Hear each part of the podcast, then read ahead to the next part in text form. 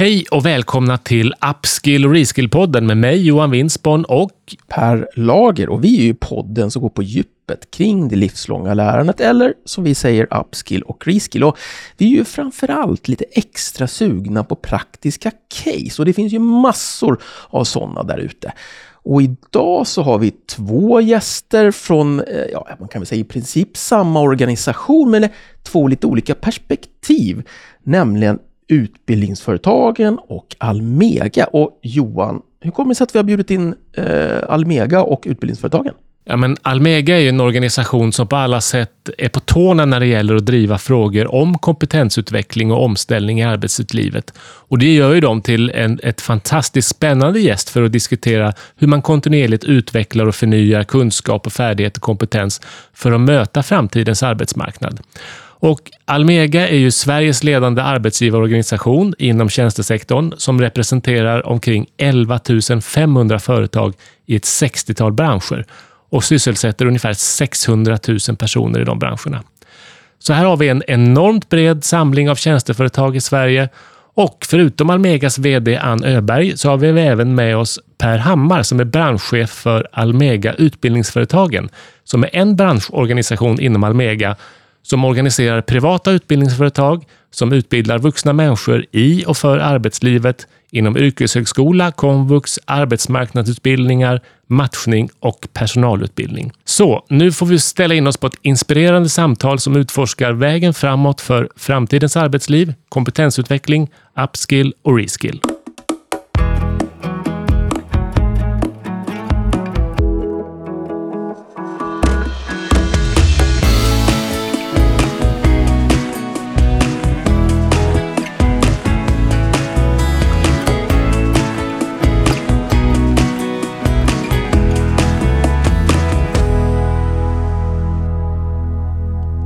Bra! Ett litet härligt intro och jag säger igen varmt välkomna till Anna Öberg och Per Hammar. Och jag är lite nyfiken att höra lite hur ni presenterar er. Ann, vem är du och vad gör du på Almega och vad har du gjort tidigare i livet? Ja, det har väl tagit mig kanske 20 år att liksom komma på den här hisspitchen för, för den man är.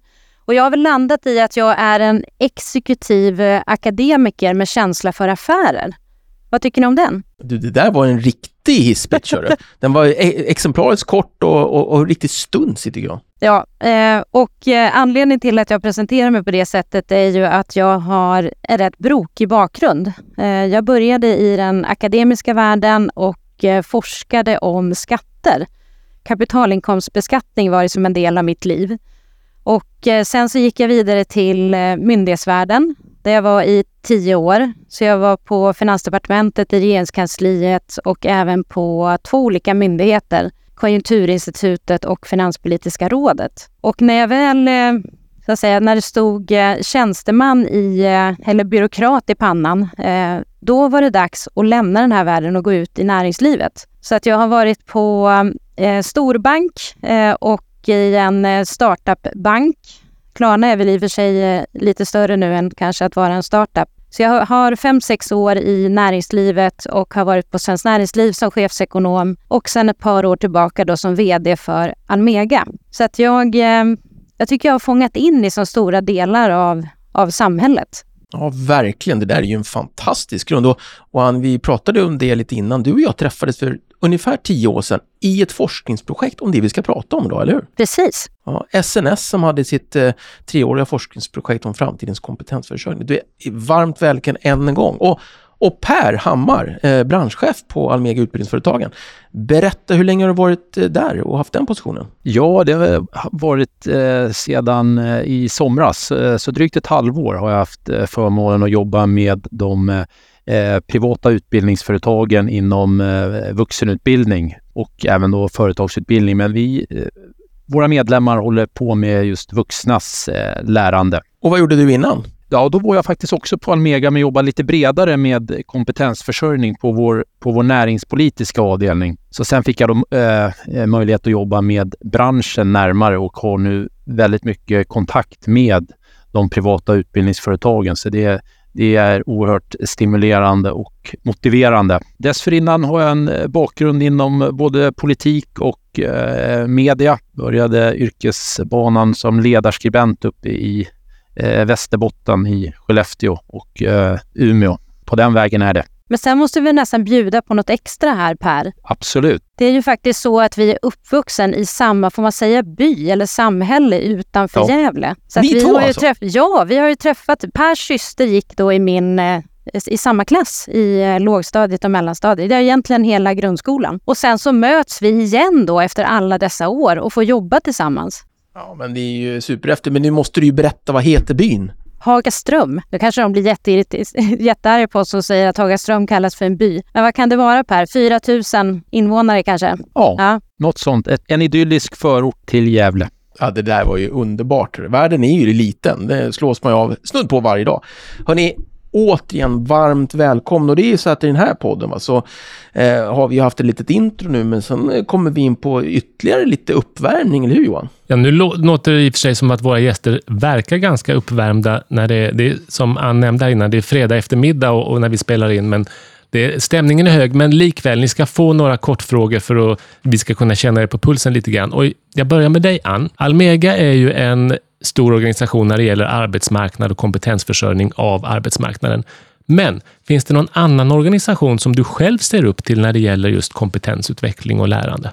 Där hakar jag faktiskt på vad du sa Per tidigare med SNS. För det jag uppskattar väldigt mycket med Almega och med mitt jobb är just att det kan ses som navet i samhället. Alltså utifrån att man har kontakt med näringslivet via sina medlemmar, kontakt med politik då via regeringskansli och myndigheter och sen också arbetsmarknadens parter och den svenska modellen. Och jag upplever SNS på samma sätt, att det, det blir en väldigt bra plattform att knyta ihop akademi, näringsliv, men även hela den mediala biten med, med journalister som oftast är inbjudna. Så SNS, nu blir det ett längre svar, men SNS är väl det som jag tänker spontant på. Och vi uppskattar längre svar. Vi, vi försöker hålla frågorna korta, men svaren får jättegärna vara långa. Per då? Hela Almega, men även då utbildningsföretag naturligtvis, är ju en medlemsburen organisation. Hur viktiga skulle du säga att medlemmarna är för ditt eget lärande i, ditt, i din yrkesroll, Per? Eh, ja, de är, om inte allt, så åtminstone nästan allt. För jag har ju daglig kontakt med, med våra medlemmar och kan eh, ställa frågor till dem hur, eh, hur, olika politiska förslag kommer att slå, om de är möjliga att, att genomföra, eh, hur det går för företagen. Alltså jag, jag tycker min eh, arbetsmetod är egentligen väldigt journalistisk. Att jag, jag, jag ställer väldigt mycket frågor till, eh, till medlemmarna. Klart och koncist. Ni ska få varsin kort fråga till innan vi går in på djupet kring vad medlemsorganisationerna gör och vad hela synen på lärande och så vidare. Ann, vi, när vi träffar chefer och ledare här i podden så är det många som vittnar om svårigheter att hitta tiden för lärande. Man har mycket att göra, det kan vara svårt att hitta den här tiden. Men många har också sina egna knep för att verkligen få till det. Har du något tips på vardagslärande som du kan dela med dig av? Nu har jag sån lyx att jag jobbar just i organisationen Almega som är en kunskapsorganisation liksom per definition.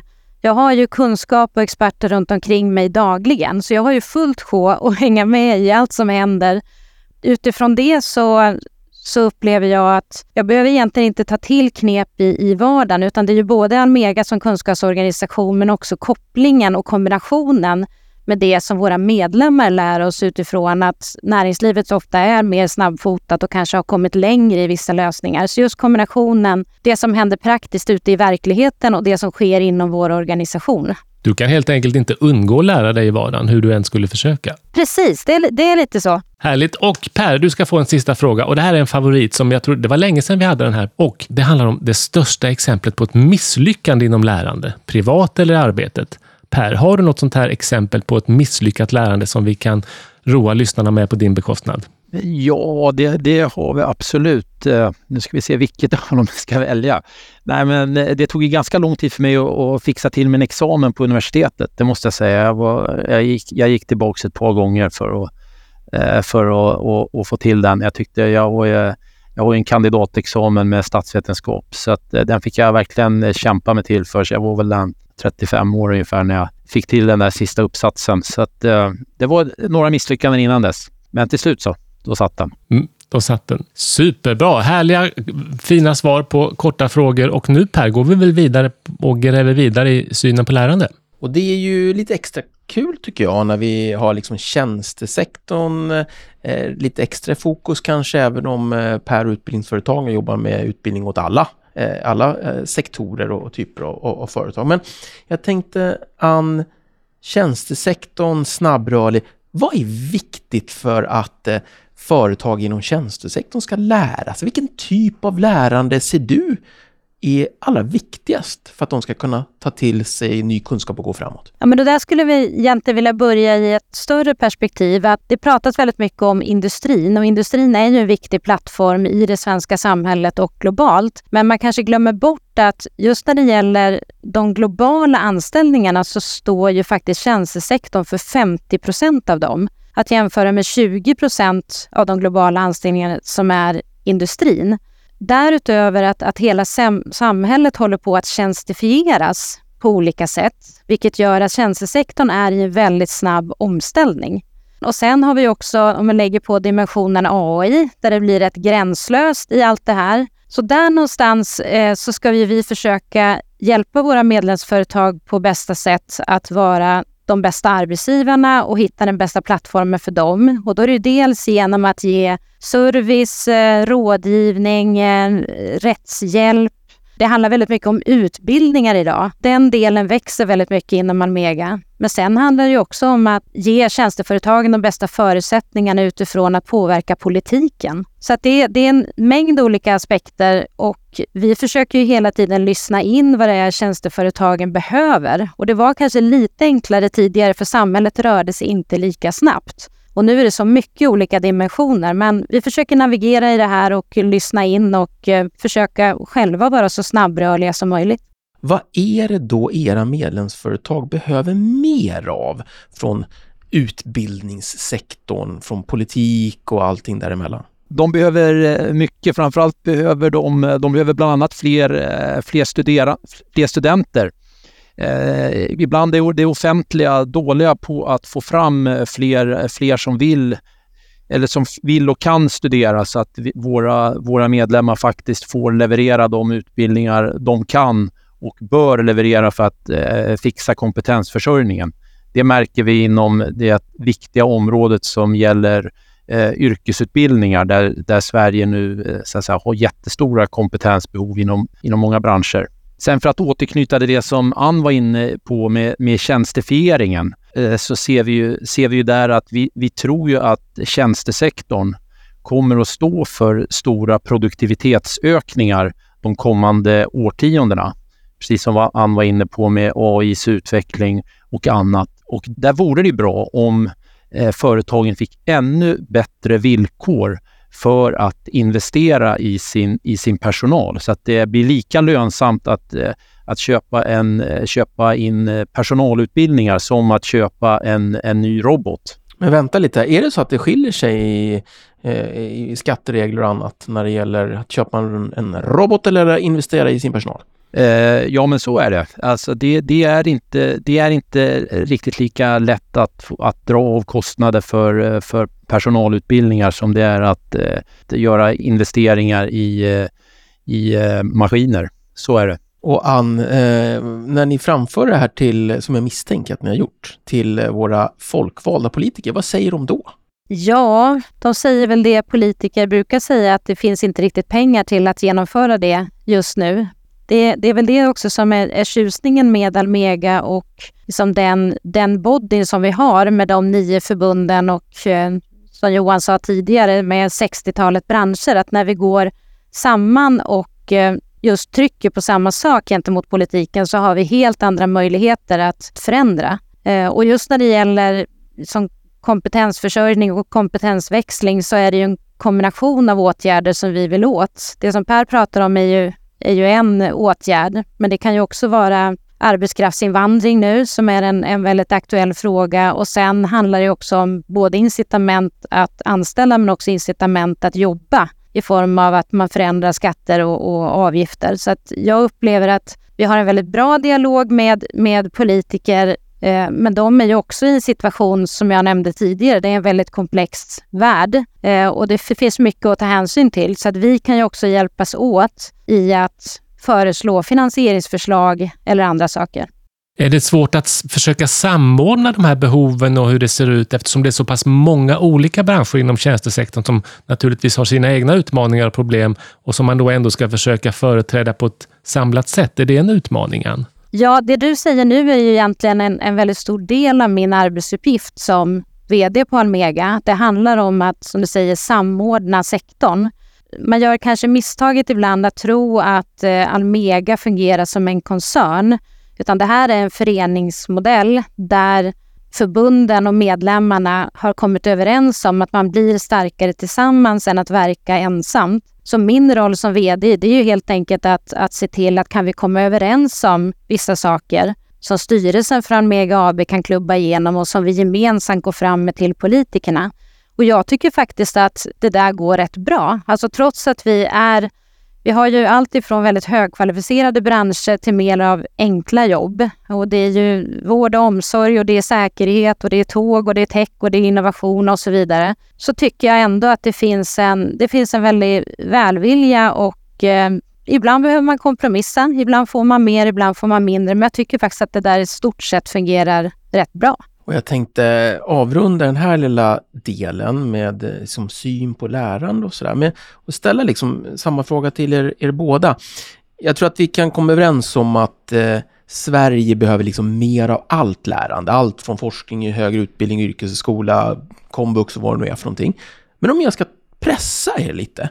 Vilken del av liksom utbildningserbjudandet är allra viktigast att vi växer i Sverige för att tjänstesektorn ska växa. Vad säger Ann? Ja, om du tvingar mig till att, att ge något svar så skulle jag säga eh, att det är just eh, arbetskraftsinvandringen eller tillgången till alla talanger och all kompetens i världen.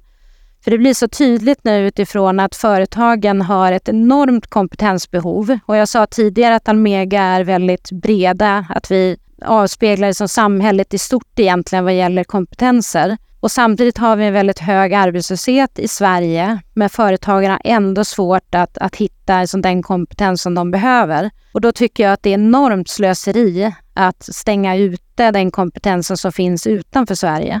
Så det är väl om du tvingar mig så skulle jag liksom välja den, den åtgärden. Ja, modigt att du gick med på att prioritera där. Och jag ställer samma fråga till Per.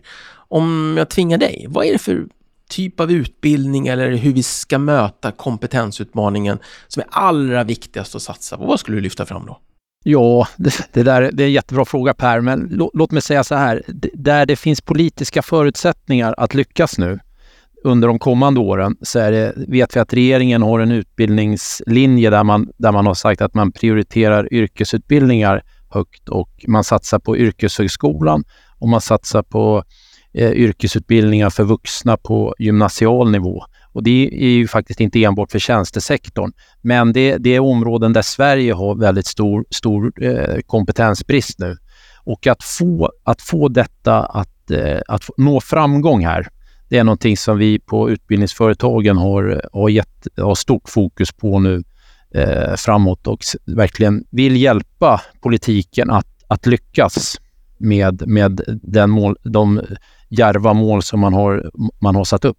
Hörni, jättetack! Och det här blir ju liksom en liten mjuk, fin övergång, Johan, till nästa lilla del i vår podd, eller hur? Ja, och huvudnumret i vår podd är ju våra case där vi ber våra gäster ta med några exempel på framgångsrika case kring lärande som man kan dela med sig av till våra lyssnare. Och Per var ju jättebjussig här och delade med sig av ett misslyckat exempel som ju ändå fick ett lyckligt slut. Du har ju din examen i, i bagaget nu Per. Men visst är det så Per, att du har även något eh, mer framgångsrikt case kring, kring lärande som du vill dela med dig av? Ja, och jag hade ju faktiskt tänkt att tala då om, om just de här regeringens satsningar på, eh, på yrkesutbildningar. Och där man nu säger att eh, det här med eh, expansionen inom yrkeshögskolan och expansionen av eh, vuxenutbildning som kommunerna ansvarar för men som lika gärna kan utföras av privata utbildningsföretag, det, ska växa väldigt mycket de kommande åren. Och dessutom så är man ju då beredd att pröva nu utbildningar på, på gymnasial nivå för vuxna inom ramen för yrkeshögskolans modell. Och yrkeshögskolan har ju den unika positionen i Sverige att man har ett väldigt, väldigt nära samarbete med eh, arbetslivet. Så då kan man säga att framåt här så jobbar man på, på två spår när det gäller vuxenutbildningen, yrkesutbildningen för vuxna. Både då jobba ännu tätare ihop med arbetslivet samtidigt som man jobbar, eh, man jobbar på inom eh, kommunal vuxenutbildning på ett mer traditionellt sätt, men lika viktigt. Och eh, som sagt, här är eh, ambitionerna väldigt höga från politiken. Men redan nu så ser vi utmaningar där de här utbildningsplatserna inte växer till på det sätt som vi hade hoppats. Det beror på olika ors orsaker, men här ser vi till exempel kommuner att de inte riktigt lyckas med upphandlingar av vuxenutbildning eh, så som de borde. Så vi hoppas nu verkligen att det ska gå bra för yrkeshögskolan och att då de blir en stark förebild även framåt så som de har varit de senaste åren. Och den här expansionen som du säger, vad, vad är det enligt din, ditt sätt att se det Per, som gör att det, det, här har behövts? Vad är det som inte har funkat med nuvarande system som gör att man måste växla upp på de här otestade delarna? Alltså när, när företag eh, vill anställa, så vid varannan rekrytering så är man faktiskt ute efter, efter personer med, eh, med eh, en gymnasieexamen.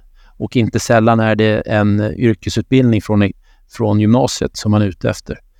Och eh, här har, vi, här har vi stor kompetensbrist och det pratar vi jättemycket om inom hela svenskt näringsliv. Så att behoven är så otroligt stora. Så att eh, här behövs alla utbildningar som kan bidra med att få fram alla möjliga hantverksyrken till inom vård och omsorg kommer att behövas framåt i Sverige.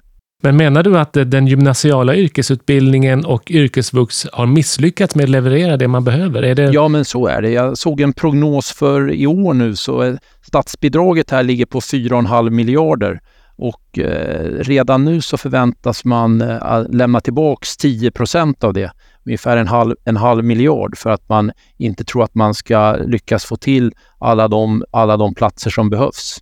Stockholms stad skulle, håller på nu att handla upp eh, VVS och fastighetstekniker och den eh, upphandlingen har nu avbrutits eftersom ingen har, ingen har lämnat anbud på den eh, utbildningen, tyvärr. Otroligt tuff utmaning, men eh, jag tänker eh, den ena sidan av myntet är efterfrågan från eh, företag och offentlig sektor på just den här typen av kompetens. Men så har vi ju de som ska gå de här utbildningarna. Hur ser eh, efterfrågan ut där och hur ser motivationen ut hos både yngre och äldre att gå de här utbildningarna? Eh, jo, men de, de, är ju, de är ju goda eftersom att det, det, det, det är säkra, det, det kommer ju säkert ut i arbete eh, efteråt. Men det är klart det gäller att eh, marknadsföra utbildningarna och då behöver utbildningarna komma till stånd och då har kommunerna sådana enorma utmaningar här att man inte får till Eh, får till de här utbildningarna så som man ska. Utan, och där vill vi från branschen hjälpa till. Vi har ju ständigt dialog med kommuner om detta. Men på lång sikt är ju frågan, är kommunerna de bästa att sköta detta? Eller är det till exempel yrkeshögskolan som på sikt kommer få ta ett större, som får ta ett större ansvar här? Hur, hur Per vill du att utbildningsföretagen ska hjälpa, hjälpa till här för att lösa de här problemen? Vad är, vad är dina, ditt recept? Ja, det, det, här är ett eh, dagligt enträget hårt arbete i dialog eh, med kommunerna så att man eh, arrangerar så bra upphandlingar som möjligt och eh, att eh, våra medlemsföretag finner, ser att det finns förutsättningar att, att leverera utbildningar. menar, medlemmarna och företagen, de vill ju inte annat. De brinner för sin affärsidé, det vill säga att få utbilda, att få utbilda studenter. Eh, och det, det, vill man ju gärna expandera och göra, men då måste ju förutsättningarna finnas eh, i form av bra villkor. Vi har ju tidigare haft eh, YH-myndighetens förra generaldirektör Thomas Persson som gäst i podden och han talade sig naturligtvis varm om yrkeshögskolan. Nu nämner du en pilot när man tittar på yrkeshögskoleutbildningar fast på gymnasial nivå. Vad tror du Per är det som gör att, att yrkeshögskolemodellen är så framgångsrik? Ja, det är för att man har eh, så höga resultat och det är så stora effekter av utbildningarna och att man då har det här otroligt eh, fina samarbetet med eh, arbetslivet och näringslivet. Att företagen tar ju ett jättestort ansvar för den här utbildningsformen i form av att en stor del av utbildningarna är det här lärandet i arbetslivet. Så att på det sättet kan eh, företagen snabbt få tillgång till eh, precis den kompetens som de behöver. Tror du att den här närheten till arbetslivet också är det som gör att effekten av det höga resultatet, att det hänger ihop? Ja, ja absolut. Även här så, nu är vi i lite tuffare tider ekonomiskt. Då eh, i en del branscher är det, är det uppsägningar. Då blir det då blir det, då blir det svårare för företagen att engagera sig i utbildningar. Så att, eh, mm. Det här är en superspännande diskussion, men jag tänker på Ann, du kommer ju också från forskning och liksom högre utbildningshållet från början. Eh, finns det någon motsatsförhållande mellan liksom forskning, eh, liksom, eh, högre utbildning och yrkeshögskola? Kan man satsa på båda samtidigt eller är det någon sorts del av kakan där som man måste prioritera? Men det där är ju någonting jättespännande som du lyfter för att det du är inne på är ju just den delen av som forskarvärlden som jag har varit inne på som är väldigt traditionell, också i bemärkelsen att det tar väldigt lång tid. Det är långa utbildningar, man specialiserar sig och den är väl också uppbyggd utifrån det vi såg tidigare, att man hade en anställning kanske hela livet. Man kompetensutvecklas inte på samma sätt som vi gör idag. Så det är klart att det växer ju fram nu ett behov av, av kortare utbildningar och det behöver ju inte vara någon konkurrens mellan säg, en ny utbildning och om man får kalla traditionell utbildning. Utan här är det jätteviktigt att man försöker kroka arm och se hur, hur kan vi utveckla det här tillsammans? För båda delarna kommer ju fortsätta att behövas. Och det är ju en diskussion som förs just nu i samhället att ja, hur, hur ska det här se ut framöver?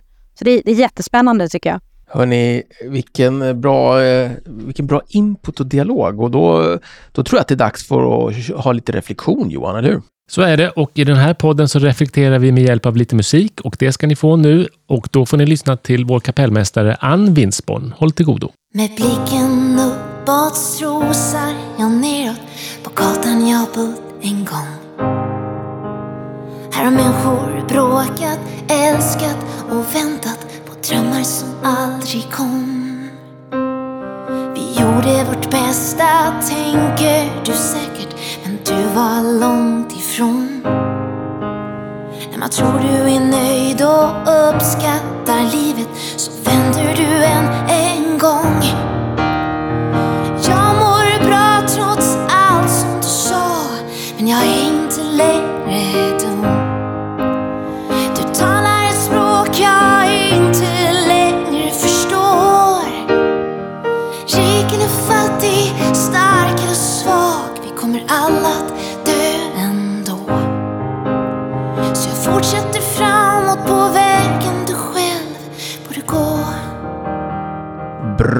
Där fick vi lite tid att reflektera och lyssna på Ann Winstborn. Nu är vi lite nyfikna på case nummer två här, eller caseområde två. Ann, vad är det du har förberett och funderat på när det gäller case? Ja, men där går väl jag in på mer av misslyckanden eh, som ger erfarenhet. Att eh, jag tänkte inte beskriva ett lyckat case utan snarare något som jag har misslyckats med tidigare och som jag har tagit med mig för att göra andra saker bättre framöver. Och eh, när vi är inne på, på lärande så är väl den slutsatsen jag har dragit utav mina misslyckanden att lärande tar tid. Alltså det finns inga genvägar till lärande. Och eh, det där är ju extra utmanande som vi har varit inne på i och med att världen rör sig mycket snabbare. Det krävs en helt annan omställning. Och samtidigt så tror jag att ingen ifrågasätter när det handlar om att lära sig ett instrument, att det tar väldigt lång tid. Man börjar från barnsben och man blir riktigt bra i vuxen ålder. Och det där gäller ju egentligen all omställning och allt lärande. Eh, och jag jobbade tidigare i ett eh, börsnoterat bolag och där var man ju ständigt eh, som utmanad bland av olika konkurrenter och i det här fallet då mer digitala konkurrenter. Så att jag hade ett, ett projekt eh, där jag då skulle lansera en ny plattform. Eh, och i praktiken så betyder det att jag hade ansvar för att bygga mer av en speedboat eh, som bredvid det här stora eh, som fartyget. Och eh, det låter ju väldigt bra eh, och eh, det där drog jag ju i mål. Eh, men det blev ju problem då när det här fartyget stod kvar och den här speedboaten hade dragit iväg. Eh, så det är väl något jag har tagit med mig till eh, Almega när vi framtidssäkrar organisationen och när vi försöker då ge stöd på olika sätt till våra medlemmar att även om världen förändras väldigt snabbt så måste alla hänga med. Så att eh, det, det, bästa är att man har den där speedboaten i ett rep till fartyget och så får man liksom försöka hjälpa varandra med att, att, att dra. Det där är ju jätte jätteintressant. Det finns ju naturligtvis massa forskning på hur ska man göra för att möta det här äh, snabbrörliga, det här disruptive. Är det så att man ska liksom få den här äh, stora fartyget att äh, lära sig nya saker och utveckla, eller ska man starta det helt vid sidan? För det går inte att göra nytt med mycket gammalt i bagaget. Men vad säger du eh, skulle kunna vara ett alternativ då? Hur får man, hur får man det där stora fartyget då att, att gå lite snabbare eller styra om kurs? Jag tror att antingen så, så får man faktiskt ta tag i den där eh, liksom sladdröran eh, som det oftast handlar om och eh, försöka reda ut den bit för bit, även om det tar väldigt lång tid. Eller så får man kroka arm med andra aktörer i en del av en, så att det blir mer av en fusion eh, snarare än att man jobbar parallellt. För då tror jag också att man kan, det kan ge liksom draghjälp i det hela. Och jag, jag är lite renoveringsintresserad privat, så jag som brukar dra liknelsen att har man inte gjort ett bra grundarbete så spelar det ingen roll vilken, liksom, hur tapeten ser ut. Det blir liksom buckligt därunder. Så att, eh, ja, ett bra grundarbete och låt det ta tid tror jag liksom är det bästa tipset. Jag tänker faktiskt på det som Katarina Berg på Spotify brukar säga att om man ska lära sig av hur en organisation kan ställa om och tänka nytt och hänga med Titta inte för mycket på startupen. Titta på de här stora svenska företagen, Sandvik och sådana, som har gått igenom massa disruption och fortfarande är världsledande. Hur har de gjort det? Och det där brukar jag tänka på. Det är mycket man kan inspireras av. Men vad inspireras du av? Vilken typ av företag eh, tycker du man kan lyfta fram som har lyckats med det där? Då? Utvecklas snabbt och sådär. Har du några sådana exempel? Nej, men jag, har, jag har massor av exempel och det är väl precis som du nämner med Katarina att, att de här stora bo, traditionella bolagen, eh, där kan man ju lära sig en, en eh, massa saker. Men det är väl just i kombinationen med de här nya. Och det var ju precis det utvecklingssteget eh, som jag gjorde när jag lämnade då en storbank och gick till Klarna den kombinationen blev väldigt häftig för det finns väldigt mycket saker, det här var Handelsbanken, det finns väldigt mycket saker som Handelsbanken gör väldigt bra. Men just i kombinationen av det som Klarna gör, det, tycker jag, det tror jag att fler kan ta fasta på. Just att var, var kan man hitta nya samarbeten? Jag tror att det är det som är nyckeln framåt. Och hur viktig är lärandet då eh, i den här processen för en organisation som behöver göra den där eh, ordentliga förändringsresan? Ja, men just att, som jag var inne på tidigare, att, att det funkar inte när man, när man gör en förändring i en liten gruppering. Alltså det stora misstaget är ju att man sitter i en ledningsgrupp och kokar ihop hur, hur, det ska se ut. Och sen så ger man mer eller mindre order till resten av organisationen istället för att börja underifrån och låta organisationen som växa tillsammans med den här utvecklingen. Återigen, det tar, det tar tid, men alla måste också få en chans att förstå vad förändringen handlar om och också ge möjlighet till just kompetensutveckling. Och jag och Per satt, eh, satt innan här och, och, pratade lite grann om exempel från Almega. Att vi är ju nu i en transformativ process. Vi har ett uppdrag ifrån Almegas styrelse att framtidssäkra. Och det handlar väldigt mycket om tjänsteleveranser till våra medlemmar. Så att vi kommer att eh, ha en kurs nu för ledningsgruppen kring som tjänsteutveckling och tjänstedesign. Det är som inte en självklarhet att en ledningsgrupp har mega jobbar med sådana frågor, men där har vi sett ett behov. Så att jag tror att man, man successivt ser till att ge medarbetarna eh, och cheferna både verktyg men också möjligheten att vidareutbilda sig under processens gång. Ja, vad spännande. Eh, och leva lite som man lär. Då. Jag tänkte Per där, eh, utbildningsföretagen, jag menar det är ju både individer som kommer till era medlemsföretag för att kompetensutveckla sig, men det är också företag och kommuner och andra som kommer. Hur, kommer du på något exempel på när något medlemsföretag har, har ett så extra bra samarbete med ett stort företag eh, och hjälper dem i deras förändringsresa med kompetensutveckling? Det finns det, det, finns det många exempel på. Det, vi pratar en del om eh, större företag och där är man ju inne och, eh, och hjälper till med eh, nu omställning och vidareutbildning, kompetensutveckling. Och det, det är klart, ibland känns det som att det är lite så att säga, de har en vana, precis som ni har varit inne på, att gå igenom de här perioderna av upp och nedgång tidigare. Så de vet att man måste satsa jättemycket på alla i personalen. Alla medarbetare måste med för att eh, företaget ska bli framgångsrikt. Det vi jobbar mycket med inom utbildningsföretagen är ju då att skapa ännu bättre förutsättningar för företag att kunna då vidareutbilda sina medarbetare. Och vi var väl inne på det tidigare med den här frågan vi driver om ett eh, kompetensavdrag. Och det gör vi bland annat för att vi ser att eh, företagen faktiskt eh, under 2000-talet har minskat eh, sina satsningar på personalutbildningar man, man köper min, mindre och mindre formell utbildning och det är väldigt allvarligt för att det eh, hotar och riskerar att minska produktivitetsökningarna i företagen. Och Det som jag tycker är intressant när man tittar på vad är det företagen eh, vill utbilda medarbetarna i, så finns det faktiskt att samarbete ligger väldigt högt upp på det. Att man jobbar tillsammans och det visar ju på lite grann den här svenska, det som vi är bra på i Sverige, att alla ska med. Att alla är lika viktiga i företagen. Det, det, tyck, det, tycker företagen också och det är det som man, man efterfrågar.